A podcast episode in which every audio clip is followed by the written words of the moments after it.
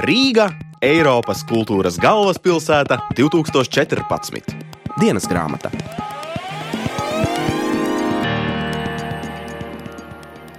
Esiet sveicināti pēdējā dienas grāmatā, kuras lapusi varam aizvedot gadu, ko Rīga vadījusi kā Eiropas kultūras galvaspilsēta.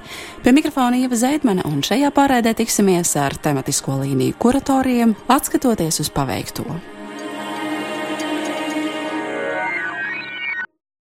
Nodibinājumu Rīga 2016 vadītāja Diana Čīvla šobrīd satieku Rīga 2016 birojā dāvanas pieņemot. Vai ar tādu pašu smaidu, kā dāvanas saņemat, varat skatīties arī atpakaļ uz paveikto šajā gadā? Es uz visu gadu noskatos ar tādu tiešām lielu, platu smaidu, jo es esmu ļoti priecīga un lepna par visiem tiem projektu organizētājiem, kas realizēja šogad savus projektus. Es zinu to, ka daudzi teica, ka mums beidzot ir izdevies piepildīt savu sapni, jo e, ļoti daudz kultūras organizatori ilgi lolojuši bija dažādas izstāžu koncepcijas vai kādu sadarbību ar kādiem starptautiskiem māksliniekiem, ko viņiem nebija iespēja realizēt finansējumu finansējuma trūkuma dēļ. Un, uh, tad, kad mēs sākām strādāt, es ļoti labi atceros, ka mākslinieckajā padomē mēs saņēmām projektus. Mēs sēdējām ar nolaistām rokām un skatījāmies, prātuļojot, ko darīt īsti, jo projekti, protams, bija pielāgoti esošajai krīzes situācijai. Tur nebija šo lielo ideju un nebija tālējošo mērķu. Un tajā pašā laikā mēs arī saņēmām ļoti daudz uh, uzbrukumiem, kuri teica, ko jūs iedomājaties, kā mēs tagad 2010. gadā varam zināt, kas notiks 14. gadā. Tas bija tas sākums, kurš mums pašiem noticot sev un noticot spējai realizēt kaut kādas labas lietas un ļoti elastīgi un jūtīgi reaģējot uz visām ekonomiskās situācijas peripētījām, mēs tomēr spējām realizēt realizēt ļoti apjomīgu programmu. Un tas ir, protams, visu radošo cilvēku nopelns. Tās ir visas tuvu pie simts organizācijām, ne tikai Rīgā, bet arī dažādās citās Latvijas pilsētās, kuras faktiski šo programmu izloloja no paša, paša sākuma un realizēja. Cik liela ir tā paliekošā jēga vai tas iegūms, kas turpināsies arī pēc šī gada? Ļoti daudz e, pie šī jautājuma sāk runāt par infrastruktūras būvēm. Mums bija pavisam cits atskaites punkts. Šis devītais gads būtībā tas zemākais krīzes punkts, ka gan pilsēta, gan valsts ļoti skaidri pateica, ka mēs būsim ar tām būvēm, kādas mums ir. Un kā jau vienmēr, katram kokam divi gali. No vienas puses, jā, protams, bija slēgts e, valsts muzejs, vajadzēja meklēt cita veida izstādīšanās iespējas. Mēs atradām Sarvaival Kitam Boļševičku vai teātris izrādes Forte Forte notika varbūt ne gluži tam piemērotās telpās, bet tam atkal bija savs cits efekts. Tas parādīja to, ka kultūras projektus var realizēt ļoti dažādos asprātīgos un radošos veidos, tādās vietās, kur pat nenāk prātā, ka vispār kaut kas varētu notikt. Bet tas, ko varbūt šis gads iedeva, tā bija tā pārliecība, ka mūsu kapacitāte un spēja realizēt lielus startautiskus projektus nesakrīt ar mūsu infrastruktūru jo mums nācās atteikt ļoti daudzus pasākumus, kurus mēs varētu būt noturējuši Rīgā, startautiskus pasākumus. Šī iztrūkstošā daļa ir pirmkārt uh, akustiskā koncerta zāle Rīgā, gan arī lielas izstāžu telpas. Es šeit pat arī nesaku tieši laikmetīgās mākslas muzeju, kas arī nenoliedzami ir temats, bet tas, ko mēs ļoti izjutām, ka nav lielas izstāžu telpas un nav lielas telpas, kuras arī kot pasākums vairāk kā tūkstots cilvēkiem tā tīri personīgi kā cilvēkam, kas jums pašai ir atstājis no šī gada tādu lielāko emocionālo gandarījumu? Man pašai vissirsnīgākie brīži ir tie, kad es esmu pasākumu norises centrā, publikas vidū un jūtu to atmosfēru, kāda tā ir. Un, uh, ir tāds speciālā Rīgas pasākumu atmosfēra, kurā gaisā virmo kaut kas tik ļoti pozitīvs, un cilvēki ir tik smaidīgi un atvērti viens pret otru. Ja vēl tādos brīžos, kā man arī tiešām ir gadījies tik bieži šogad, kad man pienāk klāt cilvēki un saka, paldies, pat nepazīstot mani, sāk dalīties ar kaut kādām savām pārdomām. Tā ļoti bieži bija pasaules kora olimpiādas laikā, kad man liekas, visi tie rīznieki, kas ar koriem klīd pa ielām vai redzēja viņus dziedam kaut kur, viņi jutās tik tiešām tas sauklis, ko mēs sākumā teicām, ka katrs rīznieks ir kultūras darbinieks un viņi rūpējās viens par otru, viņi rūpējās par uh, tiem pašiem atbraucējiem aizbraukušajiem kodziedātājiem. Tādas labdabīgas reakcijas, kādas es redzēju pasaules kora olimpiādas laikā, es sen nebiju redzējusi. Un ir trīs pasākumi, kur laikā man ir pienākuši klāt cilvēki. Tas ir Lets Saulīte, tas ir Bonina Rīga un tas ir Pasaules kora olimpiādas. Tas bija noslēguma koncerts, ka man pienāca klāt cilvēki un teica, ka es esmu lepns, ka es esmu šeit, es esmu lepns, ka es dzīvoju Rīgā, Latvijā.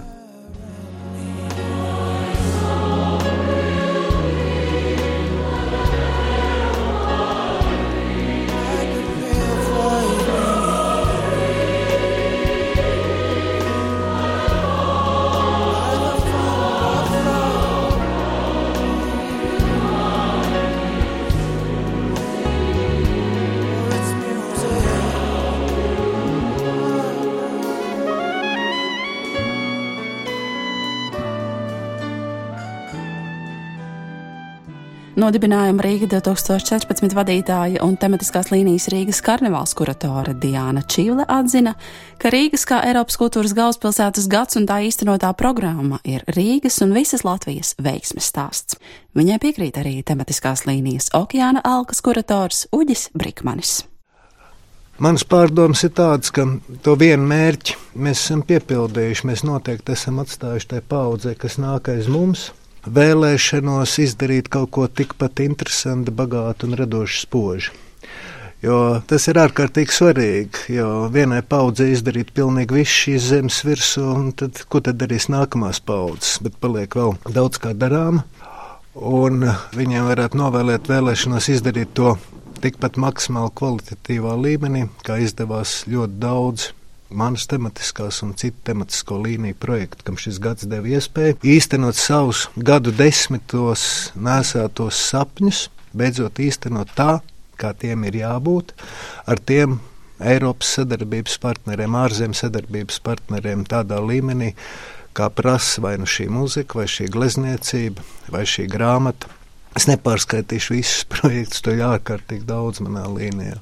Tā ir robežšķirtne, noteikti, Rīga 2014, kas varbūt ir daudz vairāk veidojusies nevis kādas sistēmiskas attīstības rezultātā, bet drīzāk gan spilgtu, unikālu personību, nejaušas vai jauši nejaušas sakritības kopdarbības rezultātā. Un gribat vai negribat, bet tomēr tās būs atskaites punkts pēc kura vērtēs nākamās desmitgadus. Un es domāju, ka vismaz Rīgā 2041, kad mēs iespējams atkal būsim kultūras galvaspilsēta, Rīga 2014 būs laba atskaita.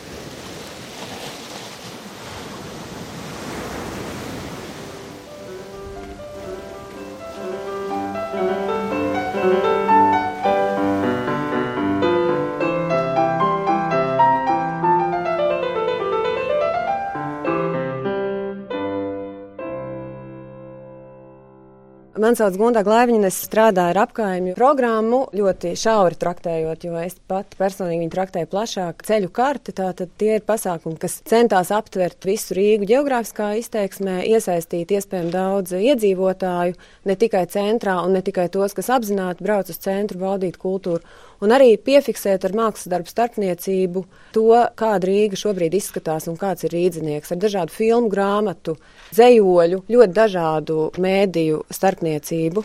Manuprāt, programma izdevās. Viņa varbūt nebija tik redzama kā lielie pasākumi, bet, manuprāt, ļoti, ļoti būtiska. Ko es varu teikt uzreiz kā tādu piezīmi, ko mēs neizdarījām, bet kas ir jāizdara, redzot to, ka apkaimēs ir iespējama intensīva un forša kultūras dzīve. Šim visam bija ļoti sezonāls raksturs, jo ziemā, rudenī un pavasarī arī kultūrai un mākslā vajag jumtu. Un e, lielākā daļa apgājuma pasākumu bija brīvdabas, notika ārā, parkos, pagalmos, dažādās vietās, kas neprasa apkuri vai tam līdzīgas lietas. Rīgai un mums un visiem būtu jādomā par to, kā tomēr arī attīstīt kultūras infrastruktūru, lai kultūras telpa, fiziskā telpa neatrodas tikai centrā, bet arī citur. Tas ir, manuprāt, tāds tiešām vēlējums uz priekšu. Kas man likās šogad notika, un es to sajūtu vienā brīdī tīri fiziski, bet varbūt tāpēc, ka es arī kursēju no rajona uz centru un atpakaļ, un Rīgā līdz šim tas nebija noticis. Mums parasti tā augstā, tā saucamā augstā vai elitārā māksla dzīvoja savā kaut kādā līmenī, un tad tā do it yourself vai tā amatieru vai iedzīvotāja lieta savā kaut kur. Un tie bija tādi pilnīgi paralēli procesi, kur satikšanās bija te neiespējama. Un šogad vienā brīdī tā satikšanās notika, un varēja tīri fiziski atrodoties pilsētā sajust, ka tie līmeņi spēja atrasties līdzās un pat sarunāties savā starpā. Un tā man personīgi bija ļoti, ļoti svarīga sajūta, jo man nepatīk, ka to tā šķiro un atdala un ieliek kādās kastēs vai rāmjos un uzskata, ka starp šīm mākslas formām saruna nav iespējama. Un tā frāze, kas man ļoti nepatīk, kad viņi vienkārši tā lieto, ka māksla var vienot cilvēkus eh, ar visdažādākajiem uzskatiem un biogrāfijām. Viņa apliecina sevi praksē šajās dienās. Tā ir ļoti laba sajūta.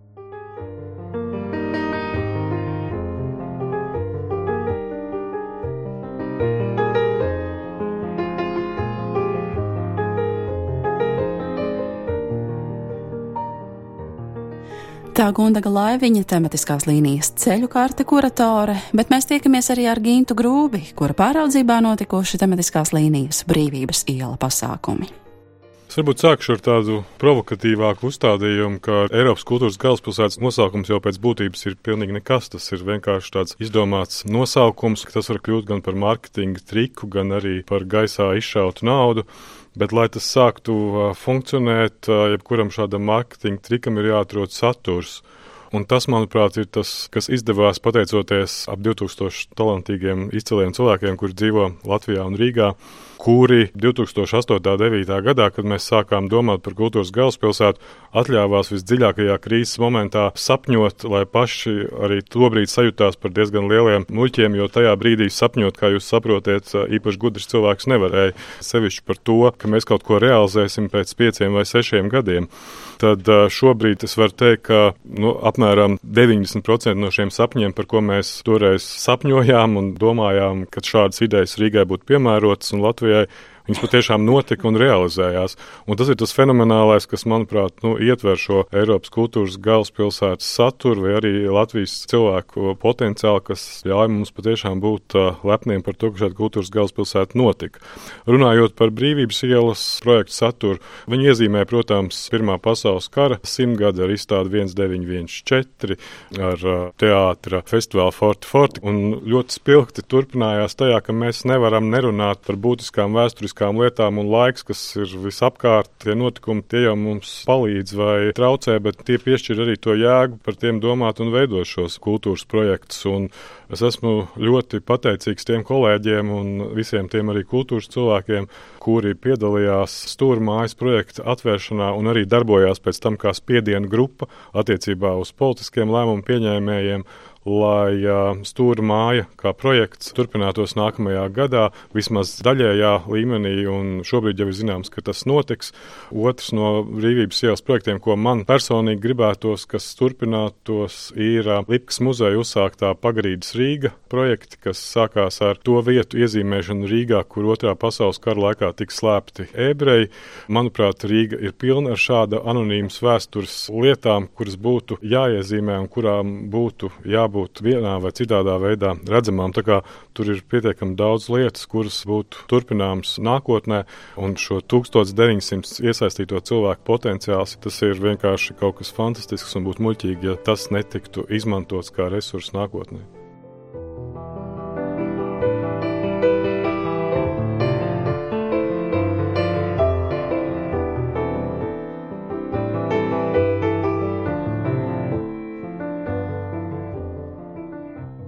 Ne tikai Gīns Grūbe, bet arī tematiskās līnijas izdzīvošanas komplekts kuratore Solvita Krese uzsvēra nozīmīgo komandas darbu un atzina, ka gandarījums par paveikto ir. Šis gads bija ārkārtīgi intensīvs un gandarījums ir. Un jāsaka, salīdzinot to, ko mēs bijām iedomājušies vai solījuši šo gadu uzsākot, ka ļoti daudz kas ir piepildījies un ka Rīga ir mainījusies pēc šī gada, mainījušies Rīgas iedzīvotāji un ir tiešām kaut kāds tāds Rīgas gēns vai kaut kāds DNS kods ir kļuvis savādāks. Tieši, man liekas, šīs izmaiņas Rīgas iedzīvotājos un arī radošajos cilvēkos, kultūras cilvēkos, kaut tāda jauna uzdrīkstēšanās, jauna kapacitāte, domāju, ka tā tāpat vien nepazudīs. Lai arī es domāju, ka nākamais gads varbūt nebūs daudziem tik viegls vai ar tik bagātīgu finansējumu, lai īstenot daudzus projektus, bet es domāju, ka tas ieskrējiens ir bijis tik liels, ka to ar tā nevar apstādināt, ka noteikti, domāju, tam būs tālajošas sekas. Rīga 2014 centās piedāvāt tiešām daudzveidīgu programmu. Vai jūs jūtat, ka ir izdevies uzrunāt arī tos, kas varbūt tā ikdienā nav bijuši līdz šim cieši saistīti ar kultūru? Es to vērtētu kā tieši pašu lielāko iegūmu, jo tiekoties gan ar apkaimju cilvēkiem, gan ar cilvēkiem tādā privātā lokā, kas galīgi nav bijuši saistīti ar kultūru līdz šim, es esmu pamanījusi, ka šī kultūra ir nonākusi arī līdz viņiem, ienākusi viņu pagalmos, viņu teritorijās, viņu apkaimēs. Jo jāatzīmē, ka Rīga 2014 programma, manuprāt, bija ļoti labi sabalansēta. Bija diezgan daudz projektu, kas tika orientēti tieši uz iedzīvotājiem, apkārtējiem iedzīvotājiem, kas notika ārpus Rīgas centra, ārpus ierastajām izstāžu vietām. Un pretī atkal bija diezgan daudz elitāru pasākumi, izrādes, izstādes, koncerti. Tā kā man liekas, ka tur varēja katrs Rīgas iedzīvotājs, kuram bija interese kaut ko labu sev paņemt, vai arī kuram pat nebija tāda intence, tā kultūra viņu tā kā noķēra viņa dzīves vietām. Projekta vājā vieta bija šo infrastruktūras būju trūkums vai tas, ka bija ciet Nacionālais muzejs visu šo gadu, bet to kā nevar prasīt no Rīga 2014 veidotājiem, jo, teiksim, ar šo budžetu, kas mums bija, mēs, protams, to investējam saturā. Pārsvarā citās Eiropas galvaspilsētās tā ir vairāk pilsētas vai valsts atbildība izmantot kultūras gadu iespēju šo platformu, lai tieši nāktu klajā ar jauniem infrastruktūras objektiem. Vismaz mums bija biblioteka. Bet šis gads ārkārtīgi precīzi uzrādīja šo infrastruktūras trūkumu, ka teātri tika iespiesti pilnīgi nepiemērotās vietās vai izstādes arī kaut kur tika iespiestas. Šis gads identificēja šo ārkārtīgi bagātīgo dažādo saturu, kas mums ir, un šo ārkārtīgi nožēlojamo infrastruktūru, proti telpas un tāds institucionālos aspektus, ko mēs varam likt pretī, piedāvāt, lai šīs lietas varētu Rīgā notikt. Un jāatzīst, ka ļoti daudz projektu joprojām iet Rīgai garām, tāpēc, ka tos nav kur izrādīt. Vai jums bija iespēja kaut nedaudz izjust šo Rīga 2014 atmosfēru arī kā cilvēkam, nevis kā organizatoram, vai jūs izbaudījāt arī gaisotni? Jā, protams, jo tos projektus, par kuriem es nebiju atbildīga, bet organizēja vai pieskatīja mani kolēģi, tos jau es apmeklēju kā skatītājs. Man bija milzīgs prieks, piemēram, par 100% Rīgas izrādi, kas man liekas, tādi bija tiešām tā kā tādi svētki, kuros vienkārši noraudzījos. Protams, prātā jau nāk nesenākie notikumi, kā piemēram Eiropas Kinoakadēmijas balva pēc tam lielisko ballīti un opera Valentīna vai Bornina Rīga. Nu, stūra māja, stūra māja, man liekas, bija tāds viens no spilgtākajiem iespaidiem. Arī zināšana un nezināšana melnais tirgus, kas gan bija mana tematiskā līnija, man arī ļoti palicis atmiņā kā tāds tiešām veiksmīgs notikums arī grāmatas izstāde bibliotekā, kas bija, man liekas, ļoti tāds augstvērtīgs projekts. Izstāde no Johansona līdz Johansonam, vizionārās struktūras. Jā, kora olimpiāda, jā, tas bija tāds ārkārtīgi vērienīgs pasākums. Man liekas, tik daudz cilvēku no visas pasaules uzzināja, kas ir Latvija. Gribētos tiešām dalīties ar šo pozitīvo un labo sajūtu un ar šo iedvesmu, ko man, manuprāt, uzšķīla Eiropas kultūras galvaspilsētas cilvēki, dalībnieki kas kopā veidoja šos pasākumus, un man gribētos ticēt, ka šī sajūta paliks, turpināsies, un ka Rīga tiešām kļūs savādāka pilsēta pēc šī gada. Un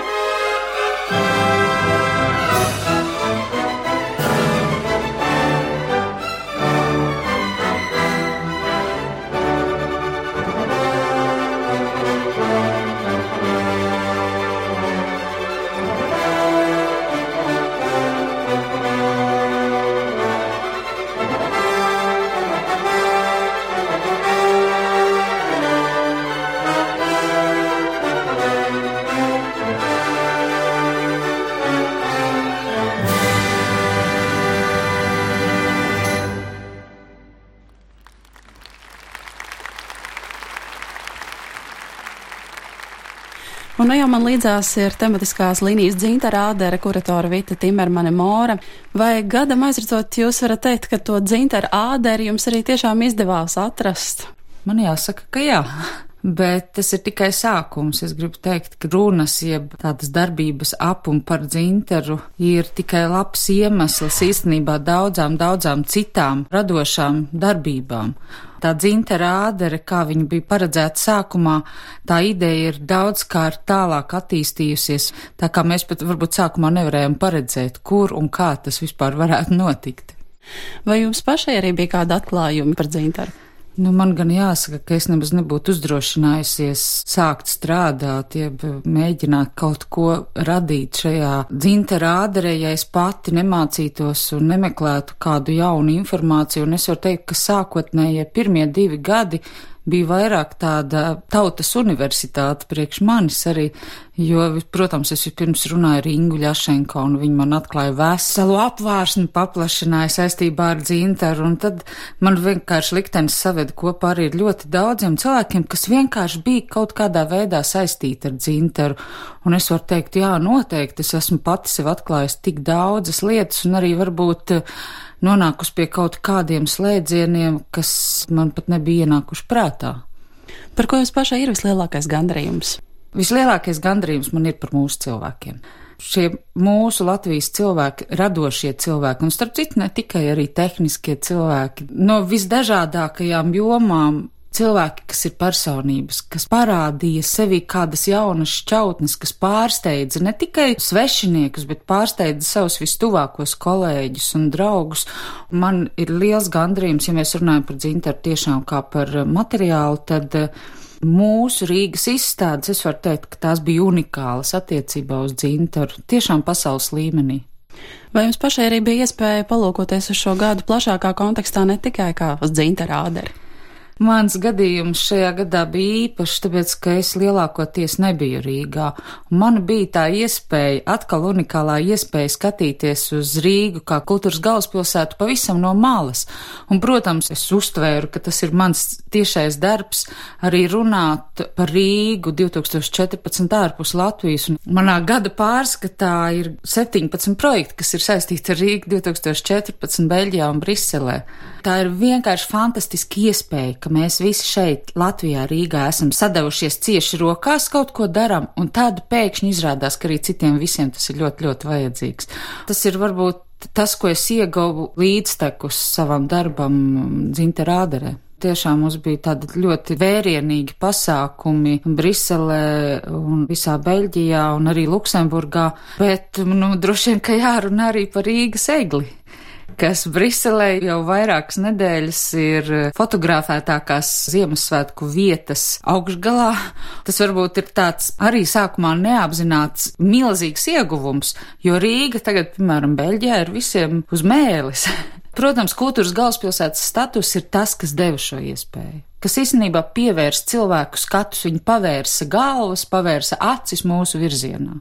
Tad jūs jūtat, ka Rīgai šis ir bijis iegūms? Noteikti, un vienīgi es gribētu cerēt, ka mēs pratīsim, ka visi mēs radošie cilvēki, un ne tikai radošie cilvēki, pratīsim, un arī politiķi, pratīsim izmantot šos ieguvumus tādā sinerģētiskā veidā, ka mēs nevis astāsim un priecāsimies kā par pieminekli, bet ka mēs izmantosim kā dzīves vielu šo pieredzi, šos panākumus, lai mēs iet vēl tālāk. Vai jūs jūtat, kā Beļģija, kā Monsa gatavojas uzņemt Eiropas kultūras galvaspilsētas statusu? Jā, man ir bijuši daudzi kontakti personīgi arī ar Monsas cilvēkiem, kas ir iesaistīti kultūras galvaspilsētas gatavošanā, bet jāsaka, ka viņiem ir cita pieeja.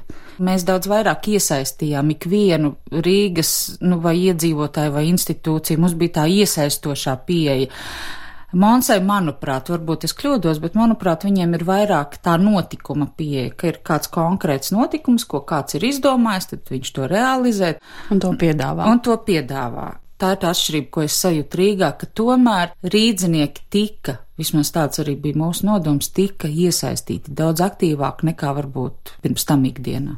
Bet es gribēju pateikt lielu paldies saviem kolēģiem, kuratoriem, mūsu mākslinieckajai padomē, tāpēc, ka tas ir bijis vesels maratons četru gadu garumā, kad mēs katru nedēļu vismaz vienu reizi tikāmies.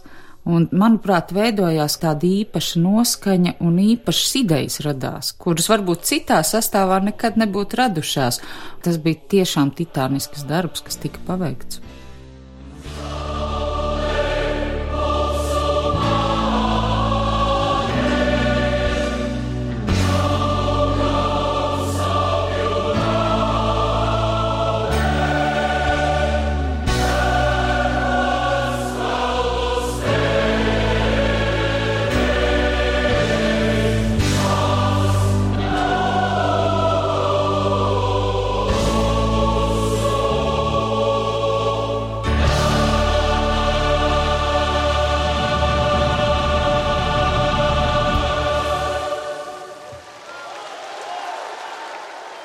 Šis gads ir aizvadīts, bet daži no aizsāktajiem projektiem turpināsies vēl arī nākamajā. Līdz 10. janvārim salonā Excelsior aplūkojama Latvijas dizaina priekšmetu kolekcija Earthworks, kas veidot ar cieņu un interesi par savas zemes kultūras mantojumu, amatniecības tradīcijām, vietējo materiālu saudabību un to lietojumu iespējām. Savukārt līdz 18. janvārim Rīgas Svētā Pētera baznīcā vēl varam skatīt izstādi neparastās mežģīnes. Nebija īsta nosacījuma, ka jābūt tieši tam un tam, jebkuru materiālu, jebkuru tehniku. Jebko, kur cilvēks tikai var iedomāties, vai tas ir metāls, stikls, vai tekstīlī, vai keramika, vai porcelāns. Brīvība bija, nebija nekāda nosacījuma. Vienīgais bija, ka neparastam jābūt, un neparastam tāpēc, ka ir šie dažādie žanri vai ažūram. Cits vairāk ir ažūrs, cits mazāk, kā nu kurš saskat un saprot to. Mēs atceramies, tas ir neparasts mežīs.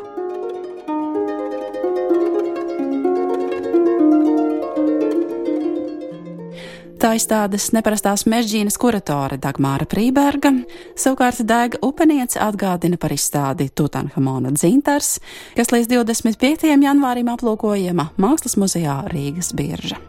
Stāsts ir par tālajiem senajiem dzintara ceļiem un par to iespējamību, ka iespējams mūsu Baltijas jūras dzintars ir aizceļojis līdz pat Ēģiptei un līdz pat Tutenhamona kapenēm.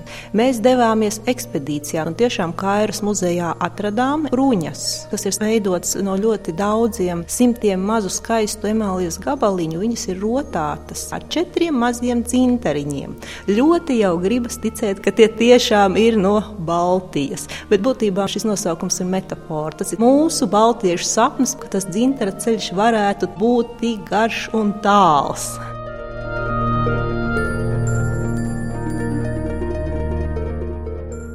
Vēl līdz janvāra beigām varam ielūkoties dekoratīvās mākslas un dizaina muzejā, kur sadarbībā ar kuratori Inesi Baranovsku iekārtota Francijas laikmetīgās mākslas ikonas Orlāna izstāde, Leplēņģa filma un citi scenāriji iespējams tik ekstrēmu mākslinieku izstādes Latvijā nekad nav bijis. Jo tas ir laikmetīgās mākslas tiešām viens no tādiem ekstrēmākajiem galiem, un tomēr viņi ir jau ikoniskā statusā, saprotot to, ka Dorlāna vienmēr ir tiešām pārsteigusi un šokējusi un izaicinājusi publiku.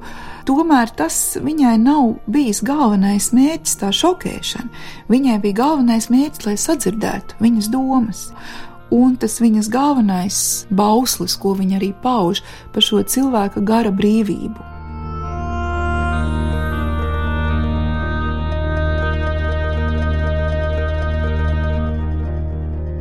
Izstāde dzintars Baltijas jūras dārgakmens vēl līdz nākamā gada 1. martam. Latvijas Nacionālajā vēstures muzejā vēstīs par dažādu gadsimtu dzintara darinājumiem un to tapšanas gaitu.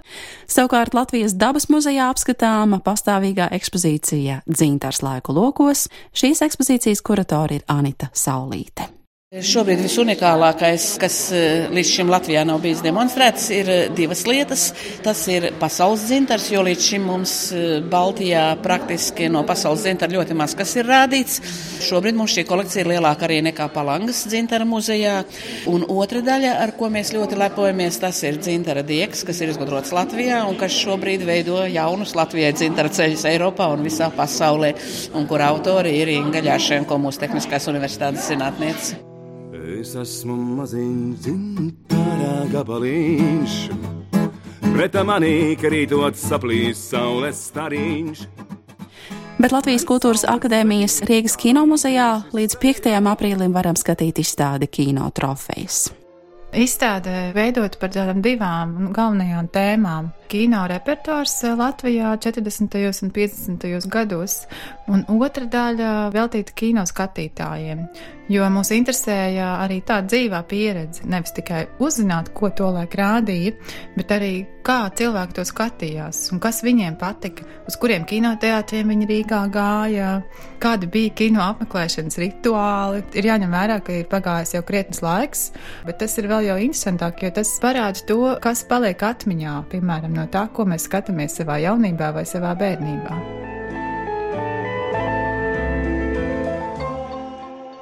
Tā projekta kino trofejas kuratore Zane Balčus, bet vēl nākamajā gadā iespējams noskatīties arī kartupeļu operu ar Ineses Zanderes libretu un sešu latviešu komponistu mūziku.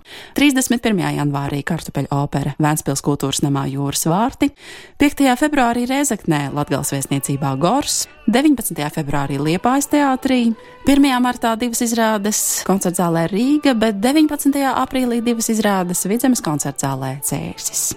Tie rokraksti ir tik dažādi, un es domāju, ka tas pamats ir ļoti skaists, jo te var redzēt to mūsu komponistu krāšņumu. Viņi tā kā tāda rota, viņi tā kā tādi ražas svētki, kur tik daudz krāsu un tik daudz nianšu, un man ļoti patīk tā dažādība. Tā kartupeļu māma, jeb dziedātāja Evita Zālīte. Ar Lolitas Ritmanas rakstītajām fināla taktīm no kartupeļu operas izskan arī Rīgai Eiropas kultūras galvaspilsētā veltīto dienas grāmatu cikls. Visa gada garumā norisēm līdzi sekoja arī šīs pārēdes veidotāja Ieva Zēdmane. Jau pavisam drīz Eiropas kultūras galvaspilsētas godu pārņems Pilsēņa Čehijā un Monsa Beļģijā, gadu atklājot 17. un 24. janvārī. Paldies, ka klausījāties!